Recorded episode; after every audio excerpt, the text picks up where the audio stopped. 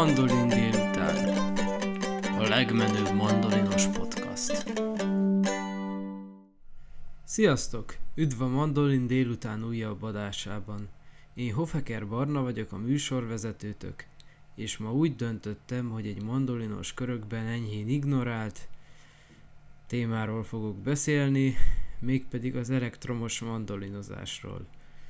Manapság már szinte minden hangszernek létezik elektromos változata, konkrétan még a vonósoknak is, de ezek közül sokan csak a basszusgitárt, az elektromos gitárt és a szintetizátort ismerik, hiszen a 20. századi könnyű zene mindig is ezt a felállást preferálta. Pedig szerintem mindenféle más elektromos hangszerek rengeteg érdekes lehetőséget tartogatnak magukban, amit eddig egy pár fúziós zenekaron kívül senki sem aknázott ki. Így van ez az elektromos mandolinnal is, amiről azt hihetnénk, hogy egy nagyon fiatal, pár évtizedes találmány, miközben az igazság az, hogy már száz évvel ezelőtt is kísérleteztek vele.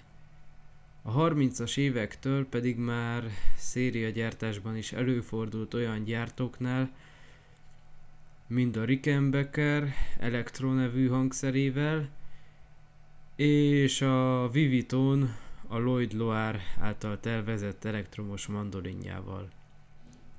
1936-ra már a Vega, sőt EM100-as hangszerével a Gibson is beszállt az új iparágba.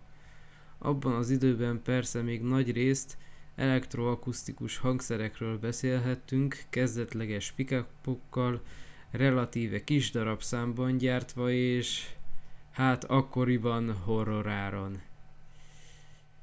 Az 50-es évek végéig tartott ez a kezdeti korszak, innen a kedvenc hangszerem talán a Rickenbacker 5002-es, más néven a V58-as, ami már ekkor is 100%-ban elektromos, tehát solid body hangszer volt, szerintem minden idők egyik legmenőbb elektromos hangszer dizájnjával. Ezt pár évvel ezelőtt az Eastwood manufaktúra Ricky típus néven újra elkezdte gyártani, így ebben a változatban még manapság is fellelhető. A legelső 100%-ban elektromos mandolin viszont még néhány évvel ezelé 1949-re tehető is Paul Bixby nevéhez fűződik, aki manapság leginkább az általa feltalált tremoló karról ismerős, amit az elektromos gitárokban azóta is előszeretettel használnak. Azt már még kevesebben tudják, hogy 1952-ben az ő fejéből pattant ki nem csak, hogy a szimpla húros, de a szimpla 5 húros mandolin ötlete is, amikor egy Tiny Moore nevezetű western swing zenész mandolinját készítette. Való igaz, amúgy, hogy az elektromos mandolinoknál a dupla húros konfiguráció már nem feltétlenül szükséges, hiszen a hangereje már úgyis az erősítőből származik, és egyeseknek szimpla húrokkal még a játék is kényelmesebb, de nekem mondjuk furcsa volt egy ilyen hangszert kipróbálnom, amikor kb. két évvel ezelőtt lehetőségem volt rá, de hát ízlések és pofonok. Az elektromos mandolinozás csúcsa valahová a 60-as, illetve a 70-es évek közé tehető, amikor is a nagyobb gyártók egyre többféle stílusban gyakran az elektromos gitárjaikra hajazó hangszereket dobtak a piacra. Ilyen volt például a Fender Mandocaster, vagy az Epiphone EM200-as, más néven Mando Bird. Én még ehhez a korszakhoz kapcsolnám a Harmony H35-öt, más néven a Batwinget vagy Denver szárnyat. Ez ugyan egy elektroakusztikus mandolin, és eredetileg egy alacsonyabb árkategória volt, mint az előző kettő, de szerintem az egyik legjobb hangja van az elektromos mandolinok közül, köszönhetően a rajta lévő Diarmond márkájú humbucker pickupnak. Ha valakit ez a hangszer bővebben érdekel, keressen rá az egyik fő inspirációmra, Ian Crusherre, aki egy blues legenda, ő szerintem ebből a hangszerből valami igazán egyedit tudott kihozni. Na, de tegyük fel a kérdést.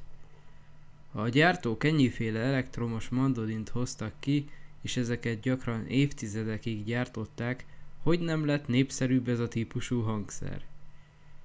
Hát egyesek úgy vélekednek erről, hogy túl elektromos gitáros hangja van, vagy hogy a szimpla húrokkal elveszik belőle a mandolin egyénisége. Mások úgy gondolják, hogy azokba a tradicionális műfajokba, amikbe a mandolin már megszokott, nem illik bele egy ekkora újítás. Az elektromos mandolin mostanra tehát csak néhány fúziós zenekar, illetve western swing zenész játékszere maradt. Én mondjuk értékelném, ha több mandolinos több műfajban is kísérletezne ezzel az igazán érdekes, de háttérbe szorult hangszerrel. Ti mit gondoltok a témáról? Írjátok meg kommentbe. Ha a podcasttal kapcsolatban bármi más észrevételetek vagy javaslatotok van, keressetek meg Facebookon vagy a hofekerb kukacgmail.com e-mail címen. Az adás végén szóljon most egy saját felvételem, amit Fender Mandostrat 8 típusú, 8 húros elektromos mandolinommal készítettem. Hát ha mást is megihlet. Jó pengetést, sziasztok!